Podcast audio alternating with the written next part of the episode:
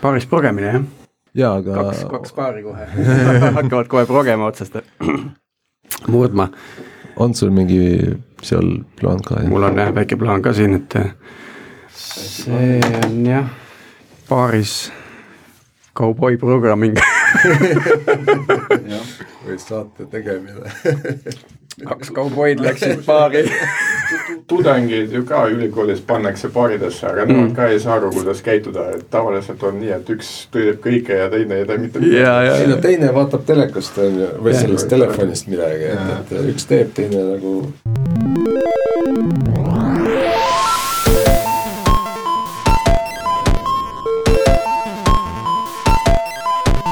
Tere taas kuulama Algorütmi, tänane üheksateistkümnes märts, mina olen Tiit Paananen Veriffist ja koos minuga on stuudios Sergei Anikin Pipedrive'ist. ja aitäh loomulikult Sergeile ja Priidule, kes minu äraoleku ajal tegid mõned huvitavad episoodid, et eh, kuidas selle vahepeal läinud on, Sergei? noh, nagu sa oled juba öelnud, meil oli Priiduga väga põnev. aga täna on meil uus saade, nii et ma olen põnevil. väga hea ja tänase episoodi, episoodi teemaks oleme valinud siis paarisprogrammeerimise ja meil on külas Eerik Jõgi ja juba teistkordselt Anton Keks Codebornist. Äh, Antonit meie kuulajad mäletavad äh, Kotlini episoodist, et tere Eerik, tere Anton. tere. ja Antoniga oleme juba põgusalt tuttavad, aga, aga selle saate kuulajatele äkki mõni sõna endast ja, ja. no mis siis ikka rääkida, et mulle väga meeldib open source ja agile ja paaris progemine ja just seda me Codebornis teemegi. väga tore ja Eerik, sinuga pole ennem Algorütmi valguses kohtunud, et äh, mis sinu taust on ja mida sa praegu teed?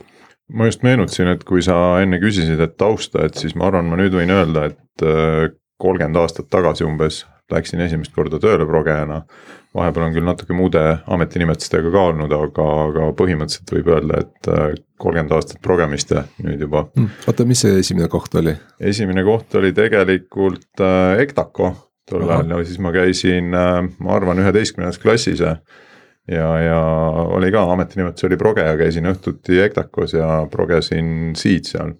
aga need olid äh, mingi hardware device'id, nad vist tegelesid rohkem osaliselt hardware, see, ma ei mäletagi, kõige esimene asi, mis ma tegin, oli umbes, kuidas siis nende mis need olid, ekraani, tead need kastikesed, mis ASCII kastid, et poolik kast ja veerand kast ja kolmveerand kast, et nendega mingit tulpdiagrammi joonistada. et äh, siis äh, tegin mingi, noh, minu ülesanne oligi mingi alam library teha, et, et, et kuidas siis näidata. aga see oli jah, see data tuli mingist riistvarast ja siis mm. kuidas seda visualiseerida ekraani peal, siis mina tegin siis selle valmis ja.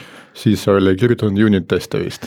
siis tol ajal jah, ei, ma ei teadnud midagi unit testidest, katsetasin niisama selle, pusisin omaette õhtuti. okei okay,, aga meie, Eerik, kohtusime tegelikult Hansapangas omal ajal. just, ja siis me vist juba tegime paarist progemist, ma arvan, kui me sinuga kohtusime seal et.... mis, mis aastast umbes? no see algus on umbes seal, et äh, ma pakun, aastanumber oli umbes kaks tuhat või kaks tuhat üks, kui ma täiesti juhuslikult sattusin lugema Extreme Programming Explained vist on selle raamatu nimi, mis oli äh, kuidagi peaaegu et tasuta veebis saadaval ja, ja ma lugesin seda ja see oli minu jaoks sihuke ahaa-moment, et, et ma vaatasin, et see töötab au või noh, et see tundus nagu loogiline, kõik klappis. ja, ja siis meil oli üks väike tiim, kus me ehitasime Hansapangale seda investori eraldi veebi, ütleme, mis oli natuke internetipanga osa ja natuke eraldi. ja seal me üritasime seda kõike praktiseerida selgelt me alguses olime üsna äh, koperdasime ja, ja ei olnud väga kindlad, aga see igal juhul tundus loogiline ja sealt edasi tuli juba kogu see internetipanga tiim, kus me seda põhjalikumalt äh, rakendasime ja, ja, ja see töötas. ja siiamaani töötab. kui te Codeborne'i äh, tegite, siis teil juba paaris programmimine oli nagu DNA-s sees? Jaa, selgelt see oli üks nendest asjadest, mida me teadsime, mis töötab ja mida me tahame teha ja mis on väga oluline osa sellest, miks see tarkvara, mida me teeme, on kvaliteetne ja mm, -hmm. ja nagu väärtuslik kliendile. aga võib-olla tuleks tagasi selle raamatu juurde ja, ja see ahhaa-moment, mis sul tekkis, et miks mis sulle nagu enne seda ei sobi, noh, ma kujutan ette, et, et sul oli mingi probleem ja siis see raamat justkui lahendas selle probleemi sinu jaoks, et mis see probleem oli, mida äh, raamat lahendas? Ma arvan, et see probleem ei olnud või noh, ma ei läinud nagu, et mul on üks konkreetne probleem, ma lähen otsima ühte raamatut, aga pigem oli see, et, et noh, see see mure, mis oli, ma arvan, et tol hetkel ma ei osanud seda võib-olla niimoodi isegi välja, välja öelda või, või seda, aga, aga et äh, asju tehti, need said kuidagi kaootiliselt valmis. ei olnud mingit süsteemi, noh, meie tol ajal võis küll selle, mida mina tegin või oli sihuke cowboy coding, et sa proovisid midagi, midagi töötas.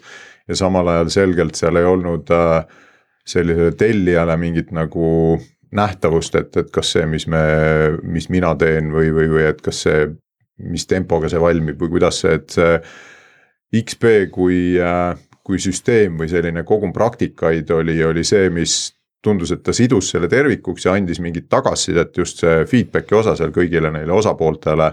oli, oli see, mis minu jaoks nagu tundus hästi loogiline ja andis mingid vastused, et pigem oli see, et ma ennem olin teinud neid asju. ma, aga, aga see nagu pani mingi süsteemi ja, ja näitas, kuidas see toimib aga Anton, millal sina paaris programmisega esimesena kokku puutusid?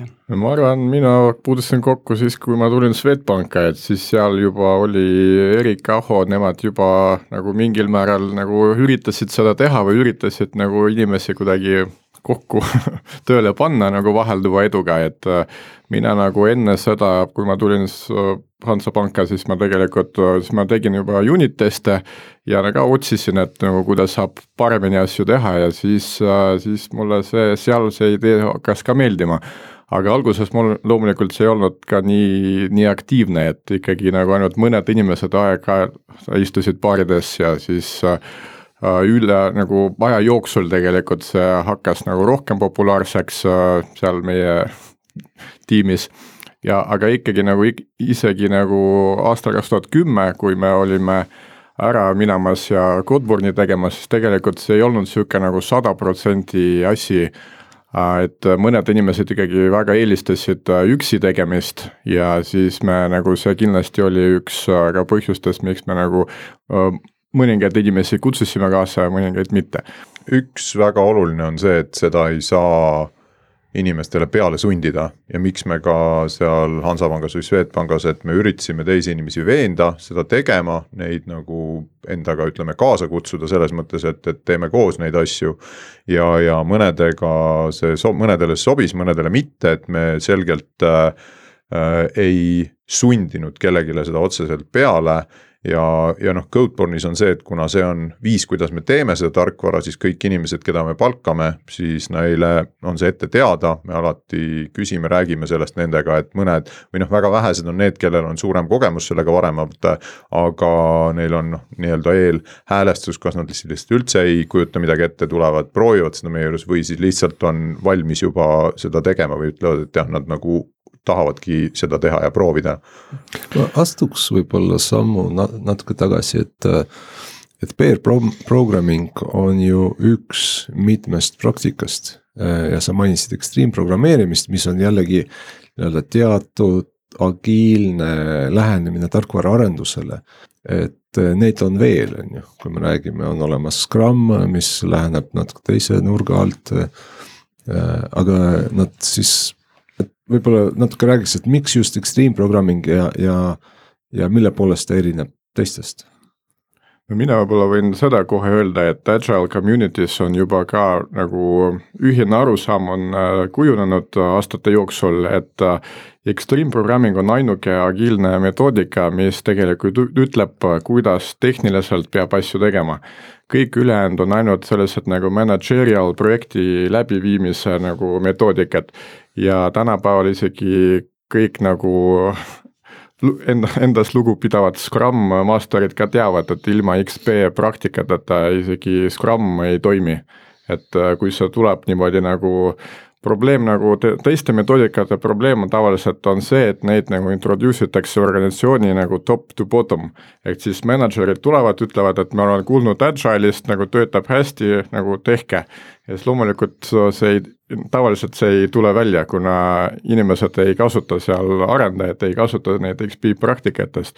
Aga XP on hea sellepärast, et tavaliselt ta on nagu, seda introduce itakse nagu altpoolt, ehk siis äh, arendajad tulevad kokku, ütlevad, et me tahame nagu asju paremini tegema ja siis nad hakkavad paari, paaris tegema, siis nad hakkavad DDD-d katsetama ja mingid collective code ownership, kõik need sellised asjad ja siis nagu mänedžerid näevad, oo, aga selle tiimi tulemused nüüd on paremad kui teiste tiimide omad, mida, mida nad teevad teistmoodi? Ja siis nad hakkavad nagu siis nad saavad teada Agile'ist, et, et mida saab nüüd nagu, kuidas nemad saavad seda ka tegema hakata, et siin on väga suur erinevus ja mina tegelikult organisatsioonides ma olen näinud, kuidas nagu see toimib väga hästi nagu läbi Extreme programmeerimise ja kuidas väga tihti fail ib läbi Scrumi või nagu teiste metoodikate.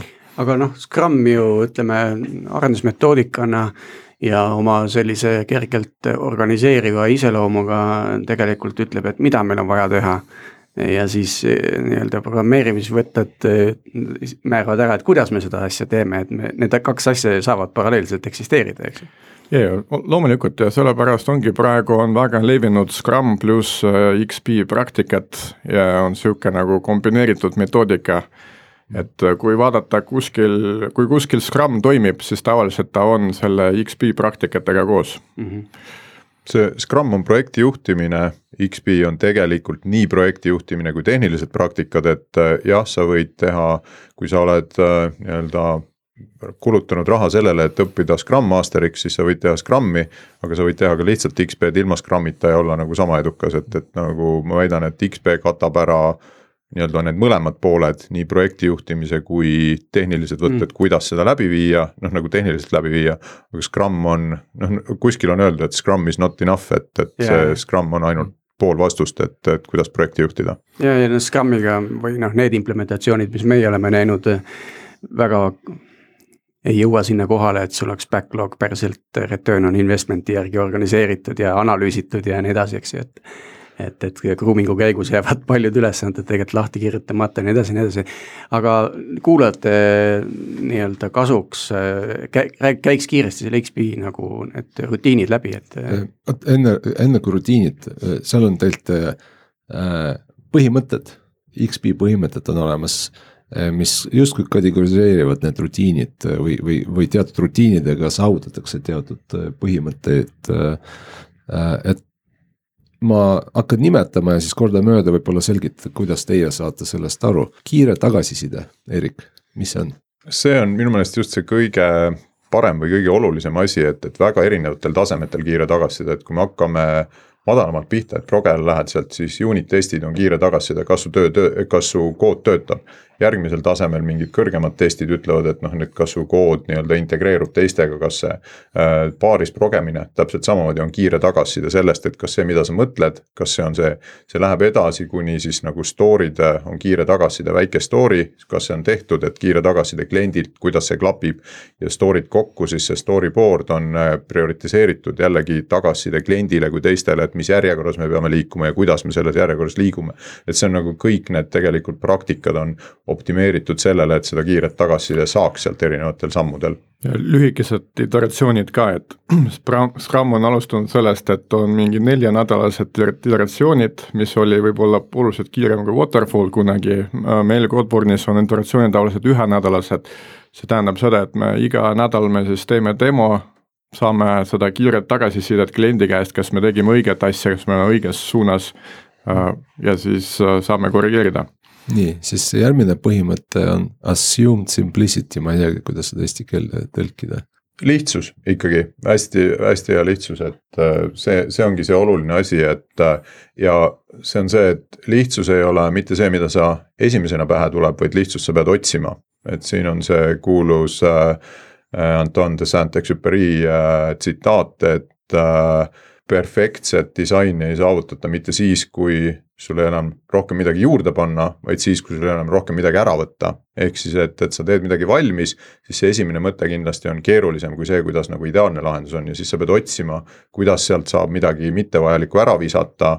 ja, ja jätta see lihtsam asi, siis see on, see on see, mis on nagu parem ja miks see oluline on, on just sellepärast, et kui me räägime mingist tarkvarasüsteemist, ükskõik kood väiksemal kujul või siis suurem süsteem, et mida lihtsam on süsteem, seda lihtsam on teda hiljem muuta ja kui te näitate mulle süsteemi, mida ei ole hiljem vaja muuta, siis ma ütlen, et seda võib keeruliselt kirjutada, aga ma usun, et ei suuda ühtegi sellist süsteemi näidata.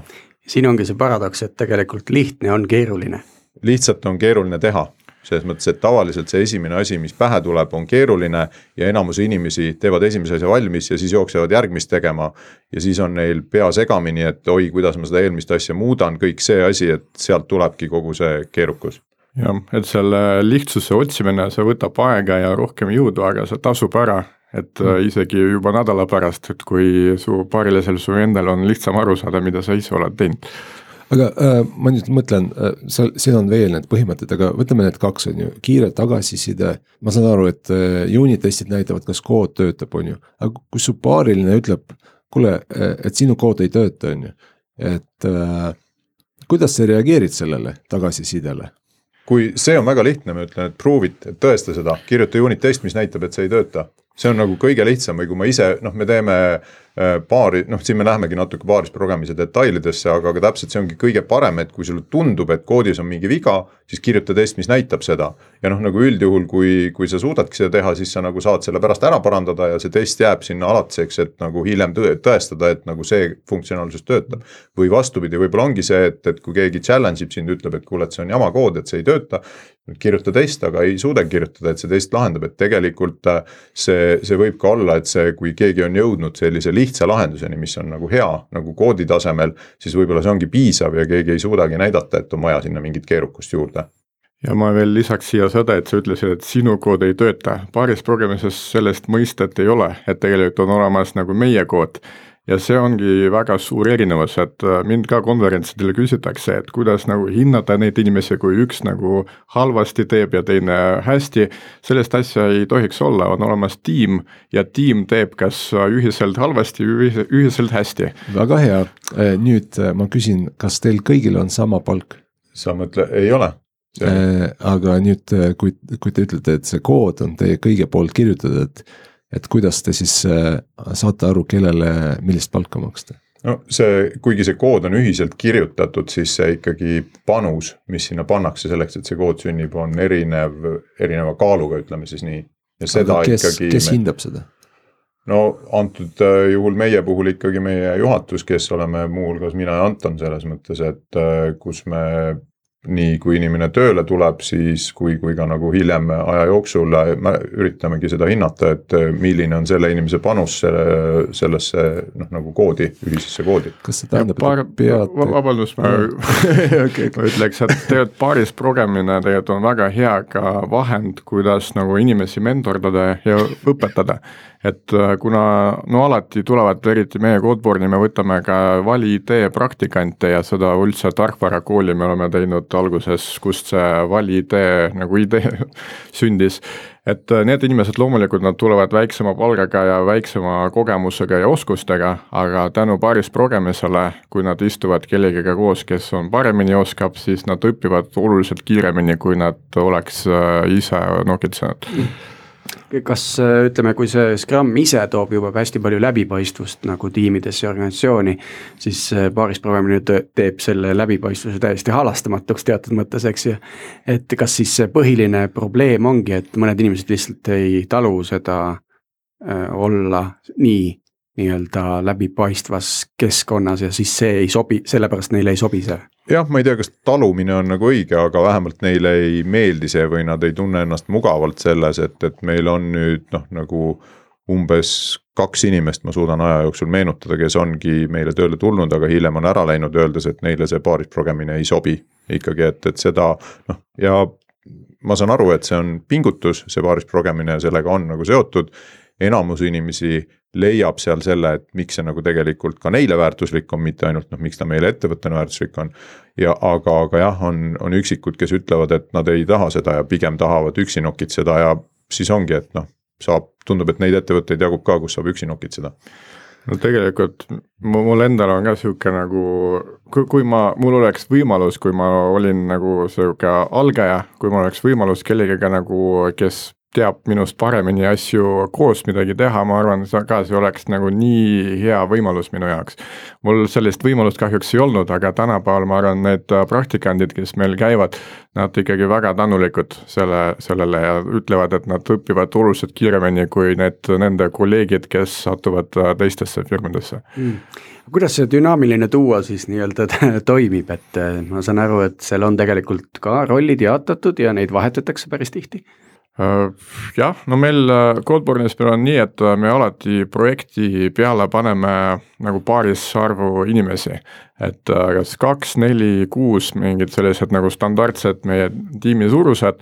ja siis loomulikult, kui on mingi kahe mehe projekt, sihuke väiksem, siis seal on keerulisem, seal need, see paar tegelikult teebki koos, kuni näiteks keegi teine ei tule näiteks asemele sinna projekti või projekt on lõpetatud aga suuremates projektides äh, loomulikult äh, me väga nagu tahame, et inimesed rohkem roteeriks omavahel, kuna just siis kogemus äh, liigub mingit nagu paremat praktikat ja nii edasi projektis sees. ja just sellepärast on ka oluline ka projektide vahel inimesi roteerida, et meie nagu Codeboardi nagu paremat praktikat tegelikult ka nagu liiguks nagu igasse projekti mm,. aga kui me võtame, et on hommik, inimesed hakkavad tööle eh, keegi on siis selles rakendis nii-öelda juht või kirjutab koodi, koodi, teine observeerib, jälgib, vaatleb. see, see, kes on juht ja kes ei ole, et see ei ole kindlasti ette määratud, et äh, jah, enamus äh, tegelikult ma ei tea, ütleme pooltel juhtudel on nii, et on nagu väga selgelt teada, et keegi on seal seenior ja keegi on juunior, oletame, et tuligi vali IT, mul praegu on projektis on niimoodi, et ma istun kõrvuti ühe tüdrukuga, kes tuli vali IT projektist, et tema selgelt on juunior. aga, aga see ei ole alati tingimata niimoodi, et vabalt võib olla, et, et hommikul algab töö, inimesed koos, nii, me peame nüüd seda asja ehitama hakkama, hakkame ka otsast pihta. üks ütleb, et selge ahaa, sellist funktsionaalsust on vaja, ma kirjutan nüüd esimese testi, mis näitab, et mida on vaja. Ja noh, nüüd ideaalis siis annan ühel hetkel klaviatuuri, kui saan, ahah, näed, see test fail ib, et seda funktsionaalsust veel ei ole, annan klaviatuuri virtuaalselt üle, meil on küll jah, igalühel oma klaviatuur, aga noh, nii-öelda mõtteliselt annan üle teisele selle rolli, teine nüüd ahah, et nüüd minu ülesanne on kirjutada minimaalne kood, mis äh, selle testi ära lahendab. See on see, et me proovisime aja jooksul erinevaid metoodikaid, kuidas tegelikult seda nagu äh, vaheldumist teha, et äh, kes nagu drive ib, kes, äh, kes navigeerib ja siis see ping-pong programming äh, ja test-driven development on kõige parem vahend selleks, et siis see ongi, mida Erik praegu kirjeldas, et -hmm. üks kirjutab testi, teine lahendab ära, siis kirjutab testi jälle ja esimene lahendab mm. -hmm ja selle siis variatsioon on see, et kui mina näiteks nüüd juunioriga koos istun, siis ma pigem teen niimoodi, et mina üritan rohkem kirjutada seda testi. ma räägin sinna juurde, et mida ma kirjutan, mida ma eeldan ja siis annan äh, sellele juuniorile nüüd, et noh. sinu asi on nüüd see ära implementeerida, tema teeb selle ära, siis ma liigun ja üritan kirjutada järgmise testi, mis nagu siis üritab näidata, et midagi on veel puudu. või, või siis kas nüüd oleme tehtud ja liigume edasi mingi järgmise sammuga. mul tekkis praegu sihuke mõte, et äh, inimene ei tea, kuidas äh, midagi lahendada mm, -hmm. siis tal tekib see mõttepaus, et ta hakkab mõtlema, on ju, et äh, mis on see mõttepausi tolereeriv pikkus selle teise inimese jaoks, et kui kaua nii-öelda see paariline. ei tohiks valmis..., ei tohiks vaikida mõtlemise all, et tegelikult paaris progemis tavaliselt on see, et me mõtleme nagu, nagu out loud.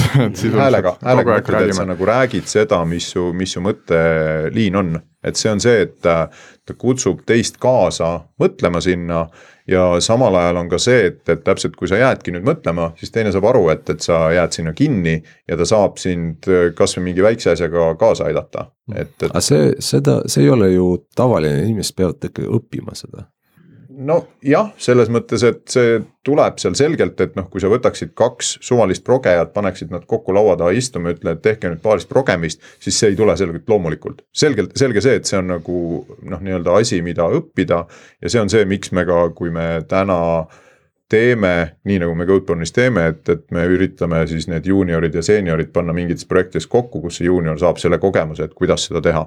aga samas minu usk ja lootus on sellele, et, et, et kui need inimesed ka on natuke aega näiteks minu kõrval istunud, et kui nad lähevad järgmisse projekti ja satuksid kaks ütleme, kes on natuke aega juuniori staatuses olnud, et kokku, siis nad oskavad seda paremini teha just tänu sellele, et nad kõiki neid noh, nagu praktikaid rakendavad ja tegelikult selle rääkimisel on väga suured plussid ja eelised ka nagu suvalise inimese jaoks, kuna inimene väga tihti nagu oma mõtetes kinni ja kui ta hakkab isegi enda jaoks või nagu kas või nagu mingile kaisukarule rääkima oma probleemist, siis ta tegelikult väga tihti ise saab aru, süstematiseerib oma mõtteid ja see on ka nagu üks äh, viis, et äh, kaisukaruga rääkida on imelik, aga kui sul on inimene kõrval, siis siis on väga loomulik äh, rääkida oma mõtetest. keegi on öelnud et, et üheksakümmend kaheksa protsenti inimestest mõtlevad siis, kui nad kas räägivad või kirjutavad ja ülejäänud kaks protsenti on siis tippmaletajad. no vot nii, äh, üks põhimõte, incremental change ehk äh, siuksed väiksed äh, muudatused äh,. kuidas, mis see praktikas tegelikult tähendab ja miks see oluline on?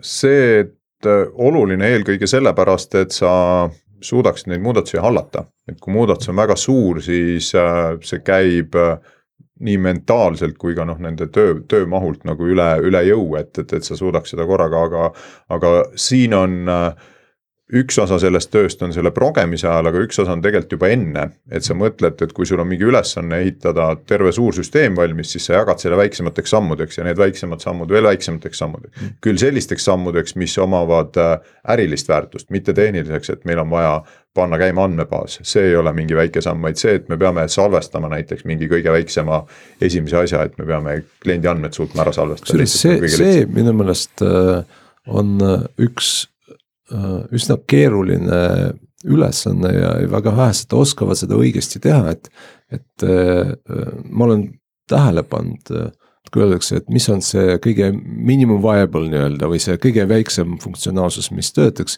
ja siis noh, kui inimesed kasutavad metafoori, siis nad ütlevad, oo, et mul on vaja liikuda punktist A punkti B, et siis ehitame kõigepealt a la Äh, tõukeratast ja siis ehitame motoratast ja siis ehit-, ehitame autot, on ju, noh.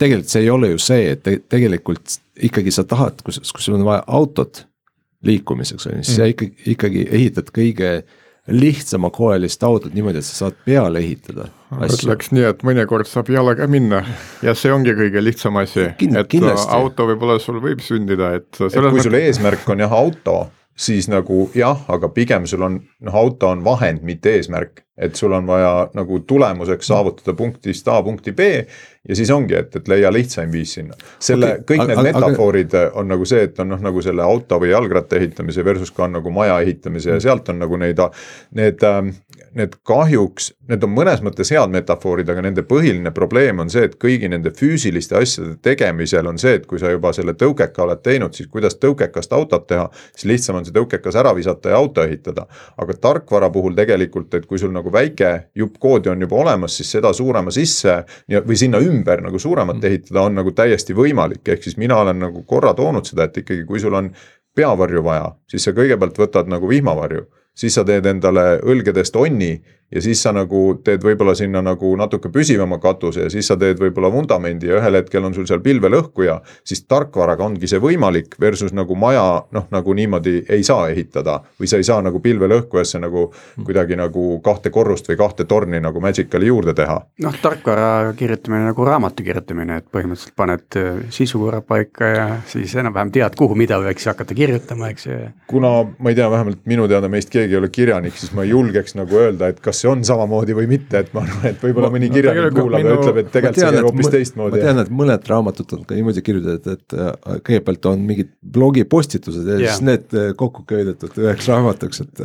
tegelikult minu vend ükskord tegi ka presentatsiooni, kus ta võrdles selle nagu selle maalijaga või maal, maalikunstnikuga, et tegelikult seal on see nagu rohkem nagu see point tuleb välja, kuna maalikunstnik kõigepealt joonistab sihukest draft'i, aga see draft on juba nagu kunstiteos, seda võib juba panna seina peale, ta on nagu valmis igal hetkel. ja siis ta pärast tegeleb rohkem ja rohkem detailidega ja siis samamoodi nagu igal sammul see asi on valmis ja see on ka sellepärast räägitakse sellest tõukeratast, kuna, kuna tegelikult ta on juba kasutatav nagu igal hetkel, aga lihtsalt nagu sa loomulikult sa ei saa nagu sellest autot teha, et sellepärast see mallikunsti näide on parem. Teine selline levinud äh, arvamus, et äh, arendaja tegelikult äh, seitse tundi guugeldab ja, ja siis viie minutiga kirjutab selle rea valmis, on ju, mida ta, mida tal oli vaja kirjeldada, eks ju. et kuidas see, see olukord selles paaris programmides on, et, et, et noh, teinekord see asi, mida sa pead tegema, ongi hästi noh, lihtne. aga selleni jõudmine võtab väga kaua aega Äh, et kuidas see õppimine käib, võib-olla hoopis see küsimus yeah.. Kak-, kaks nüanssi, et üks on see, et kui seal on kaks inimest, siis seal on nagu kaks korda suurem kogemus. ehk siis nagu vabalt võibki olla, et keegi on seda juba teinud ja selle võrra saab selle kiiremini edasi, et sa ei pea nii palju guugeldama.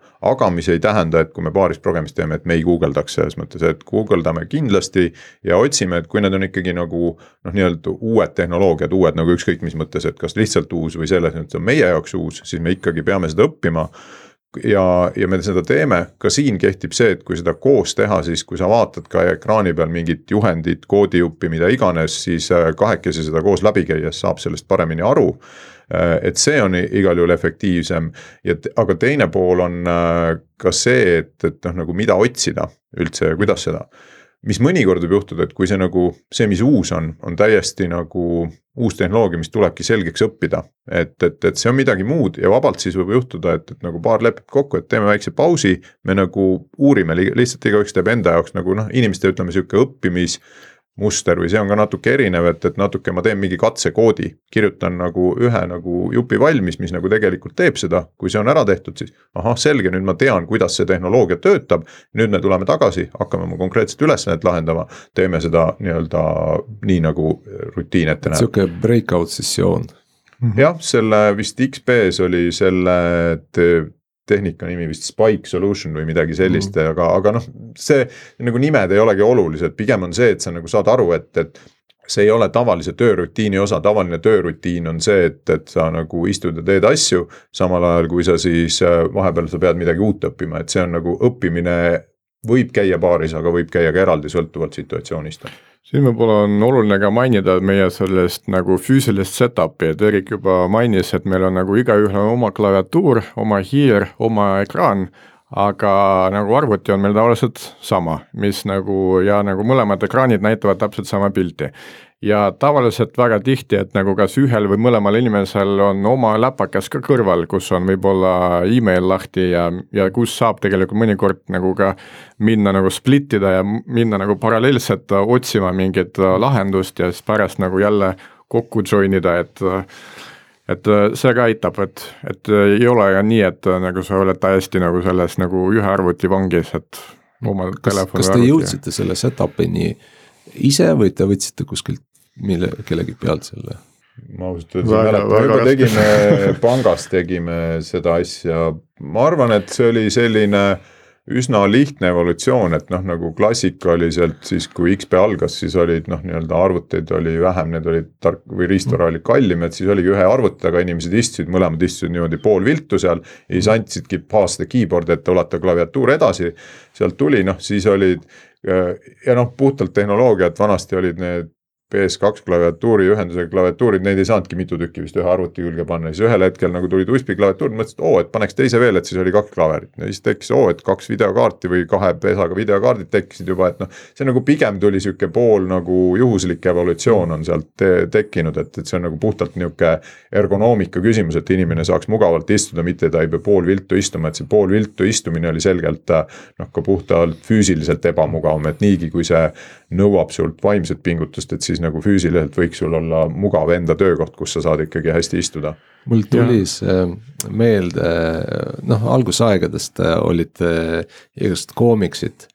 ja XP programmingust oli see koomiks, kus see, mida inimene kujutab ette, et see on nagu paaris programmeerimine, kus sa istud ilusa tüdrukuga äh, kõrvuti ja siis tegelikkuses äh, oli hoopis, hoopis teine mees, kes äh, sõi burgeri samal ajal, kui sina progesid üks, üks asi, mida võib-olla siia ongi see võib-olla burgeri söömisest tuli see mõte, et mis on igal juhul hästi oluline, on selline vastastikune austus, respekt.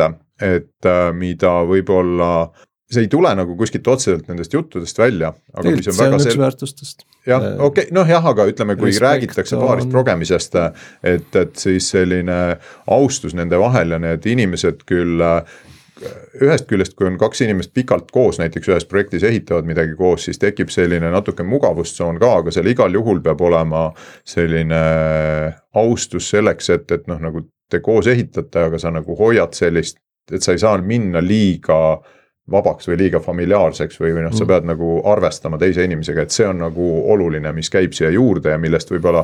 kuna see ei ole sihuke tehniline praktika, siis sellest võib-olla nii palju ei räägita, aga mis, mis on hästi oluline ja millega. võib-olla ma olen näinud, et äh, kui ma olen kuskil käinud nagu inimestele nõu andmas, et proovige paarist progemist ja midagi sellist, et kus siis inimesed nagu lähevad ja kus neil on.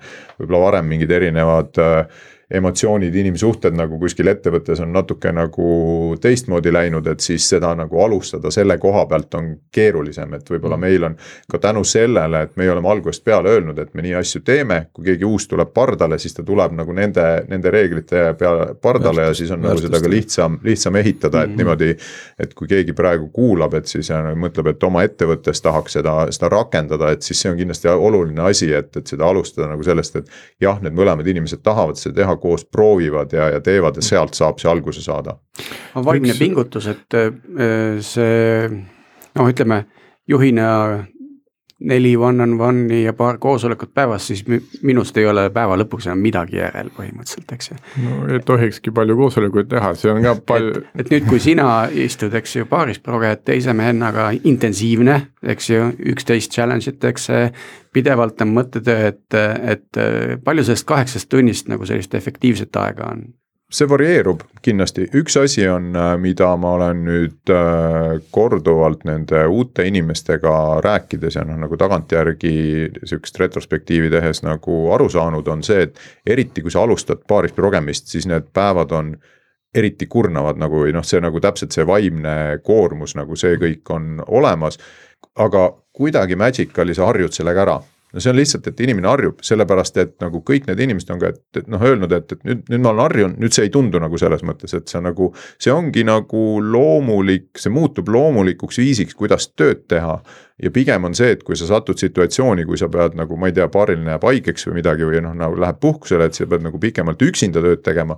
hoopis see tundub ebamugav ja siis sa nagu mõte käib hoopis teistmoodi, sa nagu ei räägi kellegiga, sul nagu selles mõttes see on hoopis teistsugune. tekib sihuke nagu väga üksik tunne, et nagu sa oled nagu maha jäetud ja. nõutus nagu selles mõttes, et, et jah, et, et täpselt, et noh, meie Antoniga mõlemad äh, osk-, ma arvan, me nagu saan aru, mida Anton räägib, et ma olen ka seda kogenud, et kuigi me oleme noh, nii-öelda kogenud programmeerijad, siis see nagu, kui sa oled seda ära harjunud paaris tegema, siis see, see teistpidi tunne on, on hästi äh,, hästi nagu imelik või, või noh, nagu see. su suhtlemisvajadus tegelikult, kui ma üksi progen, siis ma tunnen, et ma tahan nagu diskuteerida, kui ma tahan nagu rääkida, et mis minu mõtted on ja kuidas edasi minna, et mõnikord üksi isegi on raskem valida teed, kui on olemas teine inimene, kes kinnitab mingeid minu mõtteid, siis on isegi nagu palju kindlam see edasiminek. isegi kui see teine inimene on juunior. kas see, kas see praktika on ju, mida noh, Erik sai juba ilmselt juba kakskümmend aastat äh, rakendanud, et. kas see on väljaspool tööd, programmeerimist äh, on sind kuidagi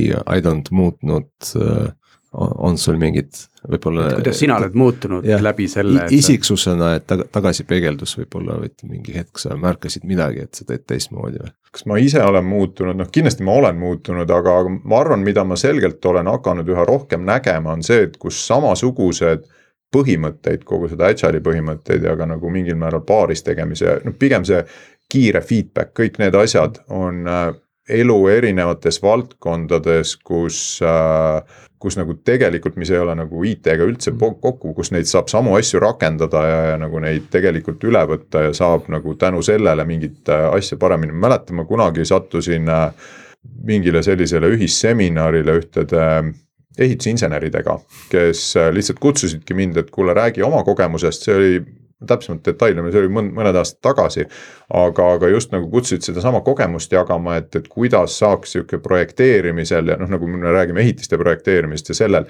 Neid äh, mingeid samu põhimõtteid kasutada ja, ja nagu proovida ka nagu teha, et, et selgelt ma. ja ma näen, et noh, neid mingeid asju saab kasutada ja sellest, sellest õppida mu isa on näiteks ehitusinsener ja tema ka nagu, temaga rääkides ma tunnen, et neil on täpselt kõik samad probleemid nagu meil tarkvaras ja tegelikult paaris progemine seal või tegelikult paaris tegemine oleks ka väga kasulik, sisuliselt kui sa teed suvalist nagu ajuga tööd, mis ei ole triviaalne, siis äh, nagu paaris tegemine on alati kasulik, isegi juristid on mulle rääkinud, et nemad väga tihti paarituvad äh, selleks, et teha midagi koos, kui on eriti nagu mingi keeruline tekst, mida on vaja näiteks kirjutada teine küsimus, et äh, rääkisime sellest äh, respekt äh, äh, mis eesti keele. austus. austusest äh, kui üks väärtustest. äh, kas teil äh, Codeborne'il on mingid firma väärtused ka kirja pandud?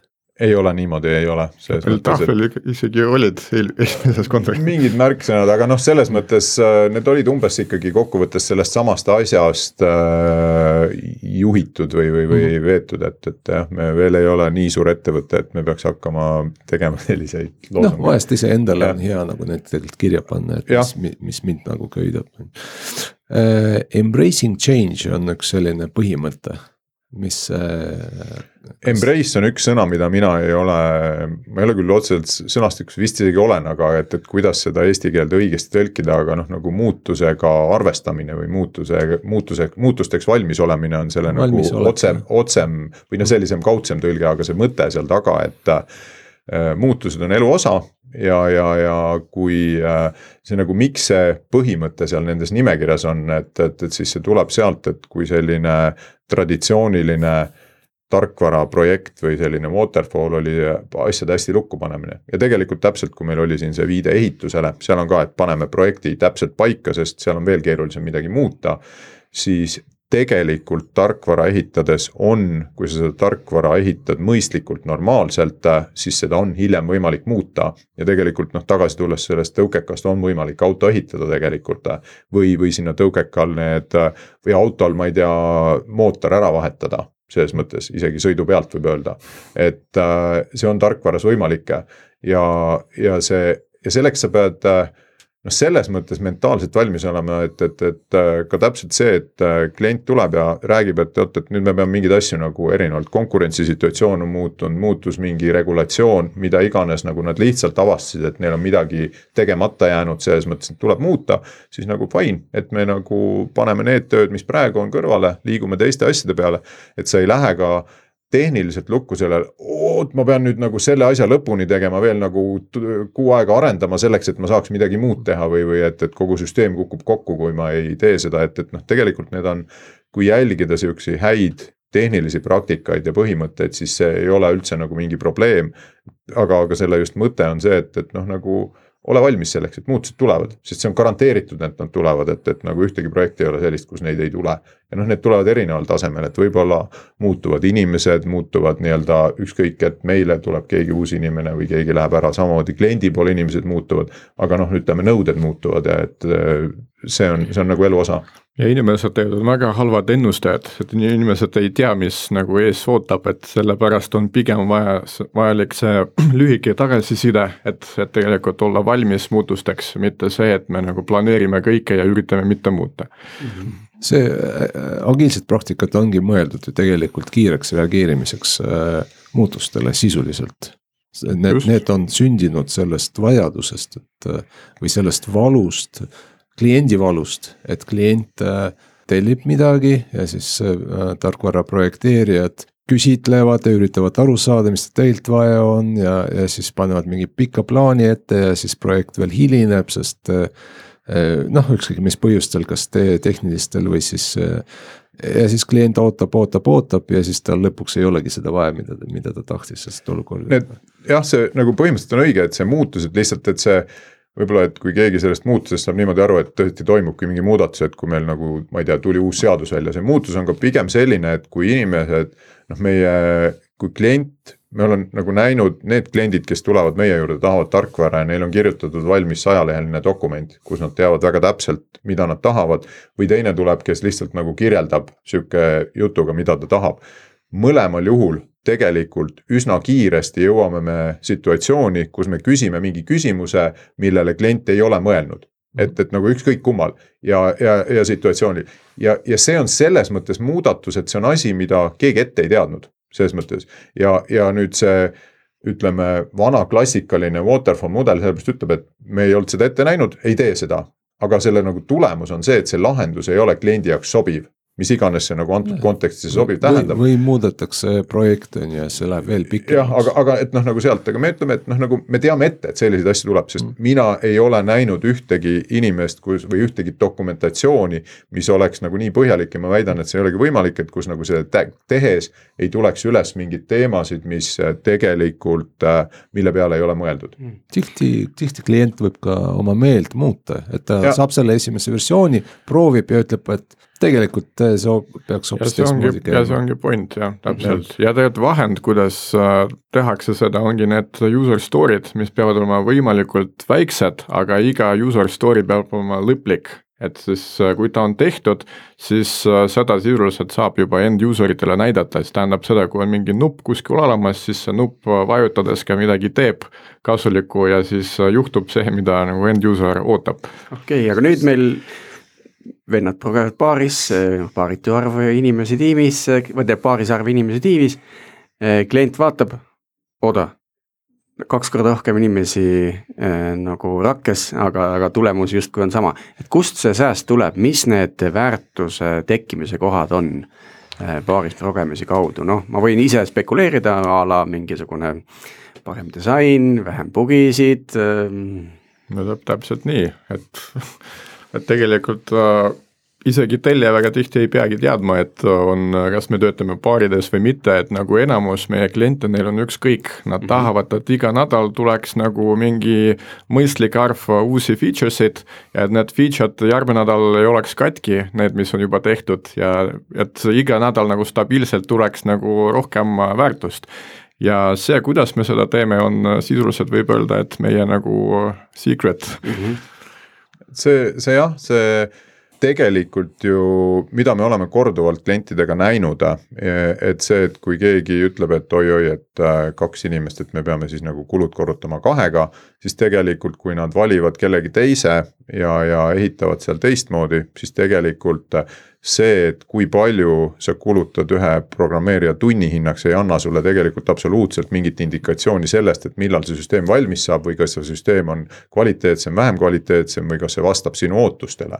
et, et äh, see on see ja täna tegelikult, mida me oleme suutnud jätkuvalt tõestada äh, kümme aastat järjest nüüd juba, et äh, see, mida me ehitame, tegelikult vastab klientide ootustele ja see total cost of ownership ehk siis see, palju see lõpuks kokkuvõttes kliendile maksma läheb, on tihti pigem äh, soodsam kliendile kui see, kui ta seda teist teed läheb. ja pigem küsimus on selles, et äh, see, mida, mida teha, on see, me teeme ainult õiget asja ja me jätame tegemata neid asju, mida ei ole vaja see ei ole nüüd otseselt paarisprogrammist tulenevalt, aga pigem nagu sellest äh, prioriteetide ja funktsionaalse juhtimisest, et, et nagu mida tegelikult kliendil vaja on mm.. kas teil sisemiselt nagu ettevõttes tiimis, millised meetrikad nagu on ähm, sellised, millest nagu lähtuda, et teha mingeid muudatusi või otsuseid? esimene meetrika on ikkagi töötav tarkvara mm, -hmm. reaalselt, et kui palju on valmis et ega liiga palju muud ei ole, me nagu võib-olla mõni tiim natuke rohkem jälgib, et, et äh, kui palju neil on unit test'ide coverage või midagi sellist, aga see on pigem nagu tiimi enda sisemine ja mõned võtavad endale mingi challenge'i või midagi sellist.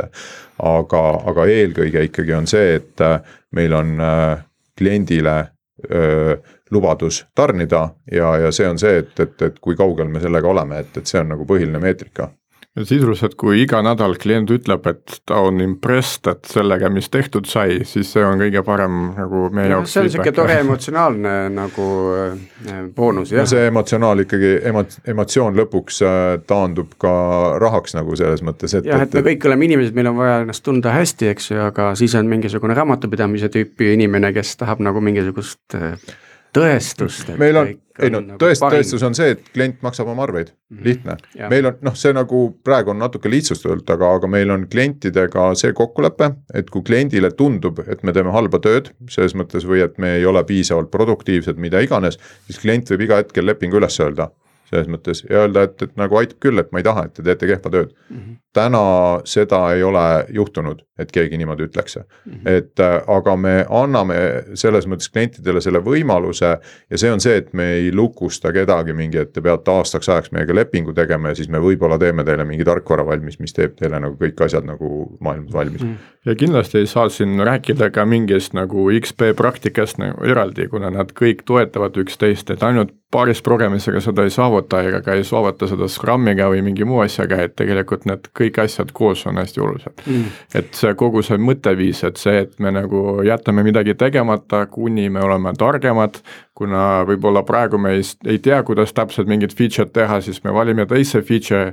enne, teeme ära ja siis nagu saab selgemaks, kuidas, kuidas seda nagu eelmist asja teha, et see on hästi oluline, see ka nagu mõnikord me peame aitama ka klienti, et äh, prioritiseerimisega, et võib-olla nagu seda feature'it on mõistlik enne teha, et, et targemaks saada. Mm.. äkki mingi hea lugu rääkida, mis on noh, mille kohta ütleme, Codeborne'i inimesed nagu laialdaselt, nad teavad seda lugu, mis on paariks progemisega seotud, mingis mõttes legendi staatuses juba midagi äkki äh, selline ahaa-oo, selline asi sai tehtud tänu just sellisele lähenemisele programmeerimisele ühtegi legendi kohe ei tule, aga ma ei tea, Anton, sul? mul, mul ka mitte, meil pigem nagu iga projekt saab äh, sisuliselt valmis nagu selle, tänu, tänu sellele, et tegelikult ta on nii nagu core äh, meie nagu kõikides metoodikates ja äh, siis nagu on väga raske ka öelda, et mis, mis oleks, kui seda ei oleks, et tõenäosusega kõik oleks nagu totaalselt teistmoodi. ma küsin siis teistmoodi, et äh, mainisime ennem siin, et on kasutusel see senior, junior mudel, eks ju.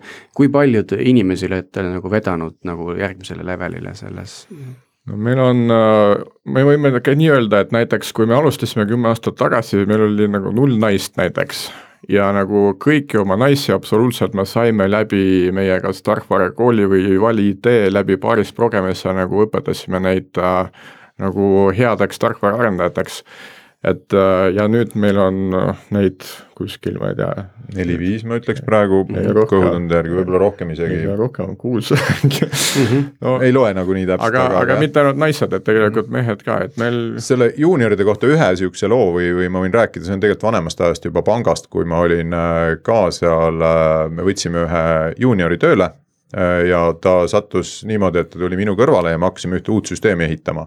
ja noh, põhimõtteliselt me tegime seda kolm kuud koos ja siis ta liikus edasi kuskile järgmisse tiimi, ma ei mäleta, mis need täpsed detailid olid. ja siis, kui me hiljem, äh, see oli poiss, kes tuli TTÜ-st, oli vist just lõpetanud äh, üsna heade tulemustega seal ja, ja ta oli äh, siis mõned aastad hiljem või aasta hiljem, ma ei mäleta, me sattusime temaga rääkima, siis ta ütles, et nende kolme kuuga, mis ta minu kõrval seal istus, õppis ta oluliselt rohkem kui selle kolme aastaga seal TTÜ-s seda noh, põhimõtteliselt progemist õppides. kusjuures jah, seda peaaegu kõik meie valid inimesed ka ütlevad ja mulle meenus üks veel sihuke no mitte legend, vaid story, üks projekt, kui me esimest korda läksime ekspordit tegema, see oli kaks tuhat kaksteist, me läksime Venemaale internetipanka tegema ja siis me suutsime teha neile, kuigi nad olid väga sihuke standardne nagu pank, kes tahtis nagu fixed price projekti, siis me tegelikult suutsime neile hästi ruttu, mingi viie kuuga me tegime täiesti nullist uue internetipanga, mis oli sihuke modernne, kaasaegne. Ja tegelikult äh, tänapäeval mul on isegi tunne, et meie tegelikult läbi selle internetipanga me tõime sihukest nagu kaasaegse internetipanganduse Venemaale üldse, kuna tegelikult see internetipank oli esimese aasta lõpus, ta oli parim internetipank Venemaal ja siis hästi paljud teised suured pangad, nad vaatasid ka seda ja siis äh, küsisid, et ku-, kuidas me seda tegime ja nii edasi ja nagu, et see mõjutas sealset turgu. et minu meelest see on niisugune nagu väga kas see Vene internetipank on kirjutatud inglise keeles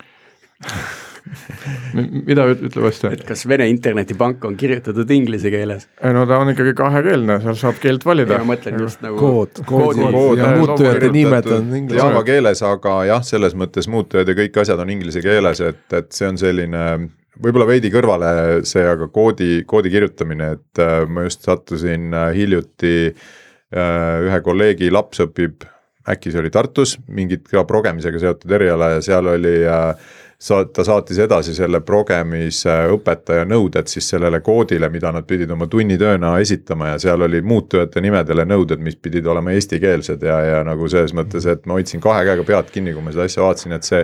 see jutt, mis sealt välja tuleb, siis kui sa seda koodi loed, et if mingi eestikeelne sõna, mingi list, mingi contains jälle mingi eestikeelne sõna, see läbu, mis sealt tuleb, et, et kui nagu keegi kuuleb ja kirjutab sellist asja ja teeb, siis palun ärge tehke seda, et kui nagu teie programmeerimiskeele keyword'id ja teie API keyword'id on inglise keeles, siis kirjutage kõik inglise keeles, ärge tehke mingi putru ja kapsaid. nüüd tulevad meelde tabeli nimed uh, Swedbankis, mis on siiamaani Leedus Leedus on eestikeelsed tabeli nimes ja Leedu TPA-d tegelikult on päris hästi omandanud eesti keelt aastate jooksul aga sellesama projekti puhul ma veel lisaks ka seda, et seda me tegime neljakesi ja tegelikult teised firmad väitsid, et on vaja mingi kakskümmend inimest, et samasugust asja teha sama, sama ajaga, et see, see nagu on võib-olla indikaator, et mida paaris progemine ja see õige suhtumine annab. Mm.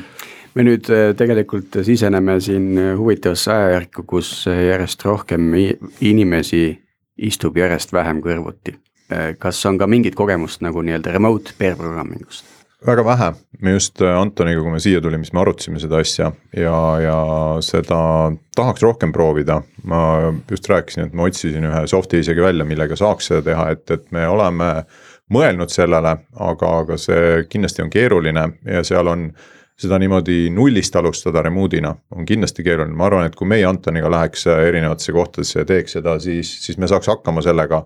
aga seal noh, neid challenge eid tuleb juurde ja, ja täna me ei saa öelda, et meil mingit väga head kogemust on, samas ma olen natukene kuulanud erinevaid inimesi läbi mingite podcast'ide ja ma sattusingi sellele soft'ile peale just tänu sellele, et ma kuulasin. ühed poisid tegidki endale startup'i sellest, et nad tegid Maci põhise paaris progemise just screen sharing'u mm. äpi ja, ja see noh, vähemalt nende kogemus on see, et nad reaalselt ise kasutavad seda ja neil on kliente, kes nagu tegelikult kasutavad, sest ega noh, muud varianti ei ole, et, et see tegelikult seda tehakse. aga jah, meil kahjuks seda ko kogemust ei ole mm.. mida me oleme lihtsalt huvitava faktina teinud, et me oleme, mõned meie tiimid on ise otsustanud, et nad tahavad veidi aega eemalt teha. siis nad on terve tiimiga, ühed käisid Itaalias, ühed käisid Hispaanias. Hispaanias vist käisid, olid, olid paar nädalat seal, tegid sealt, nad äh, rentisid seal nii-öelda selle co-working space'i. Äh, tegid seal, aga noh, nad olid äh, koos ikkagi seal. Hmm. aga ma loodan, et mitte viimasel paaril nädalal jah, see oli juba mõned aastad aga tagasi. või võib-olla me ka arutasime seda, et just võib-olla koroona annabki seda tõuke, et inimesed õpivad. peame nüüd... rohkem katsetama seda ja, ja toolingust me kiiresti mainisime, et on üks arvuti ja personaalsed arvutid kõrval ja kaks keyboard'i kaks siirt, et ähm, mis on veel midagi, mis on võib-olla ide seisukohalt ma, ma isegi ütleks, et mööbel on väga suur takistus enamustes mm. kontorites, kuna, kui on niisugune nagu, niisugune kaarega mingi laud, kus ja mis on mõeldud võimalik, ühe inimese jaoks. ja kus ei ole võimalik nagu mugavalt nagu koos istuda, siis see on probleem, et meie nagu enda esimesse kontorisse me oleme tellinud ka sellised nagu, et sirged lauad, hästi laiad, kahemeetrilised, et saaks ikkagi kahekesi väga mugavalt, komfortselt istuda, et ei peaks nagu üksteise peal istuma mm.. aga IDE-s, kas on midagi, mis tuleb, kas mingid pluginad, asjad? Proge-, selle IDE-s mitte, et pigem, mis on nagu sihuke asi, millega, millele peab mõtlema, et kui keegi tõsiselt seda, et äh, tüüpilised arvutid ja kasutajakontod on mõeldud siuksed inimesekesksed ja see on asi, millele täna noh, sihukest perfektset lahendust ei ole. meil on täna see, et meie töökoha arvutitel ongi kasutaja, mille nimi on XP ehk siis ja seda parooli teavad siis nagu kõik tiimiliikmed. ja, ja sisse logides ka, meil on Git nüüd, Git võimaldab tegelikult, et Gitil sul on siis commit imisel kasutaja see nagu inimese ja, nimi on... ja email, et siis meil on tehtud väike helper plugin või mis tegelikult siis igal hommikul võimaldab, et kes täna seal arvutiga istuvad, panevad oma nimed sisse, klikk-klikk, et mina, meie istume. ja siis ta conf ib Giti niimoodi ära, et kui commit'ile lähebki kaasa kaks nime sinna mm., selles mõttes, et see tegelikult on meil GitHubis olemas, et github.com slash codeborn, seal on olemas dev indikaator on selle nimi, see on ka üks asi, mis äh, võimaldab seda paaris programmist mugavamalt teha, et kuna alguses me tegime nii, et me commit isime ainult ühe nime pealt ja siis pärast ikkagi on paha et äh, mõnikord ikka on vaja küsida kellegi käest, et autori käest, et äh, miks niisugune asi oli tehtud, et see, see nagu indikaator väga aitab, kuna ta veel igal öösel ta reset ib seda commit'i nimetust, et hommikul sa ei saa commit ida, kui sa ei, kuni sa ei vali need mõlemad nime. okei okay., aga ütleme, suheldes teiste tiimidega, võib-olla DevOpsi ja kliendi DevOpsi inimestega, et äh, palju sellist nagu pull request'e ja code review'd ja kasutusele Code review võib öelda, et paaris progemine ja, on extreme code review, et, et, et seda ei ole, et noh, ma tean, meil ühe kliendiga on küll see, et äh, neil on ka enda arendusmeeskond äh,. see on üks finantsasutus selles mõttes, neil on endal arendusmeeskond, pluss neil on vist teisi partnereid veel ja, ja siis aeg-ajalt meie teeme siis nende teiste pull request idele code review sid. et see on lihtsalt nagu töö osa samamoodi, et siis see paari ülesanne on mitte nagu kirjutada uut koodi, vaid review da kellegi teise koodi, et see nagu kuidagi ei ole midagi nagu erilist et.... ja, et neid task'e, task'e on erinevaid, ei pea olema ainult koodi kirjutamine. just, muidugi mm,. väga hea, aga siis äh, teeme väikse küsimuste ringi, et Eerik, kohe tulista küsimus minu suunas millal sa hakkad paaris programmist tegema? kuule, nii, nii, niipea, kui ma leian paarilise hetkel, hetkel veel. paaris juhtimist äkki? ma olen go-boy. kuule, ma paaris juhtimist olen nüüd viimase aasta aega rakendanud Veriffis, et äh, me Jaanus Kivistikuga koos äh, veame, et tema CTO rollis, mina VP of engineering rollis ja ja jagasime noh, asjad ära ja osa on nagu overlap'i ka, et äh, jube hea puhkuse asendaja on et kui, kes on enam-vähem samal, samal nagu samas kohas nagu just konteksti tundmise osas. mul tegelikult lõpupoole nagu tuli meelde üks nagu sihuke oluline avastus, mida me ka tegime selle paaris progemisega, et näiteks äh, seal on olemas ka erinevad paaris progemise stiilid ja nad ei ole ainult nagu driver navigaator, et see driver navigaator stiil, see on nagu kõige paremini toimiv sihuke nagu kahene tiim, kus inimesed juba tükk aega koos töötanud, nad nagu saavad äh, üksteisest väga nagu kiiresti aru ja nii edasi, et siis nad nagu lihtsalt neil sihuke flow liigub. Aga on olemas ka need teised variandid, kui näiteks üks nagu on äh, rohkem kogenud, teine on vähem kogenud ja siis näiteks niisugune tüüpiline viga on see, et äh, see üks, kes on rohkem kogenud, hakkab niisugust nagu tuur stiilis tegema, et ise kõike teeb ja räägib teisele ja teine ainult nagu jälgib ja nagu osaleb selles tuuris sisuliselt. et see asi näiteks ei toimi väga hästi, kuna inimene ikkagi, kui ta ise ei tee, siis tal nagu asjad lähevad meelest ära, tähelepanu läheb mujale ja nii edasi et selle asemel on näiteks palju parem stiil on nagu backseat driver, on see, et kui ikkagi roolis või nagu klaviatuuri taga on see inimene, kes vähem kogenud ja see suurema kogemusega inimene tegelikult räägib talle, mida ta peab tegema ja mm -hmm. siis nagu see näiteks on niisugune nagu väga hea tipp and trikk, et kuidas mm, -hmm. kuidas tööd alustada. nii, aga Tiit, sinu küsimus on Antonile no ma olen nüüd mitmed küsimused küsinud, aga Anton, mis on järgmine teema, millega sa Algorütmi tuled um, ei, ei teagi, peame veel mõtlema, mõtlema selle peale. ühesõnaga, see teema on veel lahtine. millal sina paaris programmi hakkad tundub, et teil ei ole nagu, te oleks pidanud enne testima nagu, et oma küsimusi vastastikku. Äh, mina hetkel hoidun programmeerimisest sihuke rehab vaata, kui sa paarist programmist teeks, siis sa ei peaks hoiduma. Siis, siis ei... aga seal võivad muud põhjused sul olla, ma saan aru. ja ei, ma jällegi selle paaris programmeerimisega mul on endiselt ehedalt meeles, kuidas me Erikuga kunagi Swedis seda tegime ja siis ma tõesti mäletan, et. et see oli väga intensiivne ja, ja kuna me ei teinud seda järjepidevalt ja kogu aeg, et siis ma ei olegi vist sellega ära harjunud, ei jõudnud ära harjuda, nii et see. kas see on äkki mingi startup, kus, kes pakub nagu mulle paarilist? Sa võid kandideerida Codeboardi. ei, sa, sa võid tulla meile kliendiks ja siis sa võid koos kellegagi meist paaris progeda ja tegelikult me oleme päris palju selliseid asju teinud no,. kus jah, kus kliendi, siis kliendil on ka, kui oma progemismeeskond, siis me ja. oleme neid no, enda juurde võtnud ja nendega paaris siis teinud Aha. asju selleks, et nende inimesed, noh tüüpiliselt on see, et kui me aitame mingi toote kiiresti käima saada, aga siis nende enda tiim võtab üle ja, ja siis me aitame läbi paaris progemise neid õppida. ja, ja tegelikult meie väga paljud meie kliendid, nad on tegelikult hakanud paaris progemist ka ilma meieta kasutama peale seda, kui nad on seda kogemust meie juures saanud. palju võib-olla on siin, paljud on natuke no. palju veel öelda kahjuks, aga mm., aga jah, on mida me veel teeme, on see, et me pakume, kui me inimesi tööintervjuusid teeme ja tööle kutsume kedagi, et siis me pakume neile võimalust teha proovipäev niimoodi, et just käiagi sedasama asja proovimas, et sealt. ja see töötab väga hästi nagu mõlemat pidi, et inimene saab ettekujutuse, mis see paarisprogrammimine on, saab umbes aru meie töörutiinist, aga samas see annab ka meile tagasisidet noh, tema oskuste kohta, et, et see on nagu väga hea. ja siis, kui kellelgi kuulajatest on huvi, siis äh, andke teada job at codeborn.com nii, viimane kiire küsimus siis minult Eerikule, et Eerik, kui see paaris programmeerimine on nii hea ja kasulik kõigile on, et miks seda nii vähe tehakse? ma arvan, et inimesed kardavad seda selles mõttes, et selle, see, see, see sisse hüppib ja, ja selles mõttes sihuke isiklik äh, see comfort zone või mugavustsoon, et inimesed on seal sees. ja see eeldab muutust, noh, kui te, kui me räägime täna on mingist arendajast, kes on igapäevaselt harjunud ja, ja noh, nagu täna ma arvan, nii teie mõlema ettevõttes, et tuleb, lööb jalaga ukse lahti ja nõuab endale mingeid paremaid tingimusi ja kõiki asju. et siis see nagu eeldab inimeselt vastupidi mingit nagu isepaindumist natukene, et siis äh, see alati nagunii ei tööta ja noh, siin on see, et äh, seda väärtust, mis sealt tuleb, seda sa nagu näed noh, nagu natukese aja pärast või, või noh, sa nagu koged, et see ei ole, et nagu. või noh, võib-olla mõni saab aru juba järg, esimene õhtu, et, et sellest on parem, aga, aga et seda proovida, see on ikkagi nagu korraks nagu vette hüppamisega, et, et, et sa pead ujuma ennem natuke, et aru saada sellest.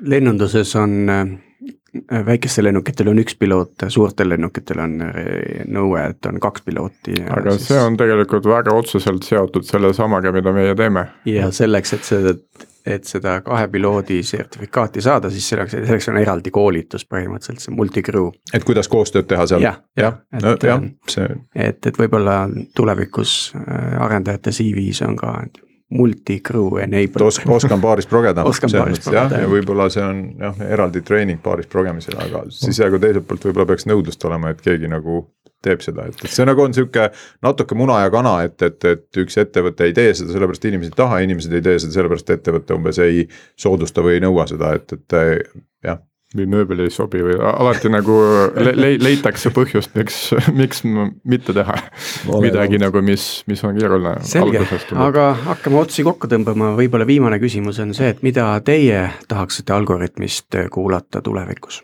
mina olen nüüd, ma arvan, kõik teie osad ära kuulanud, et, et Oho. seda on päris, päris lahe üks kuulamine. vähestest üks vähestest või? ei no tegelikult. ma loodan, et mitte siiski. ei, tegelikult ma olen seda meie, meie majas vähemalt promonud ka, et, et, et ma arvan, et neid on rohkem et äh, siin ongi, et ma ise mõtlesin, et, et kaks suunda, et üks on see, et noh, rääkida sihukesest reaalsest kogemusest, äh, selles mõttes nii tehnilistest kogemustest kui, kui äh, sihukest noh, kuidas äri on tehtud, et siin mõned noh, nagu kuidas mingid ettevõtted on äh, saanud. aga teine pool on see, et kuidas innustada rohkem, ütleme neid nooremat äh, seltskonda paremini asju tegema, rohkem mingit põnevil, mingeid uusi asju omandama, et, et, et see on nagu see, mis võib-olla kõige rohkem peaks olema, et. -hmm. et, et oleks nagu neid, neid kuulajaid võiks ka kõige rohkem olla. me oleme mõlemad proovinud kordamööda teha, nii, nii, nii rääkida ettevõtete siseelust kui ka jälle kutsuda Äh, sarnaseid teiega külalisi ja külalisi ja rääkida siis äh, sellest, äh, kuidas asju tuleb õigesti teha.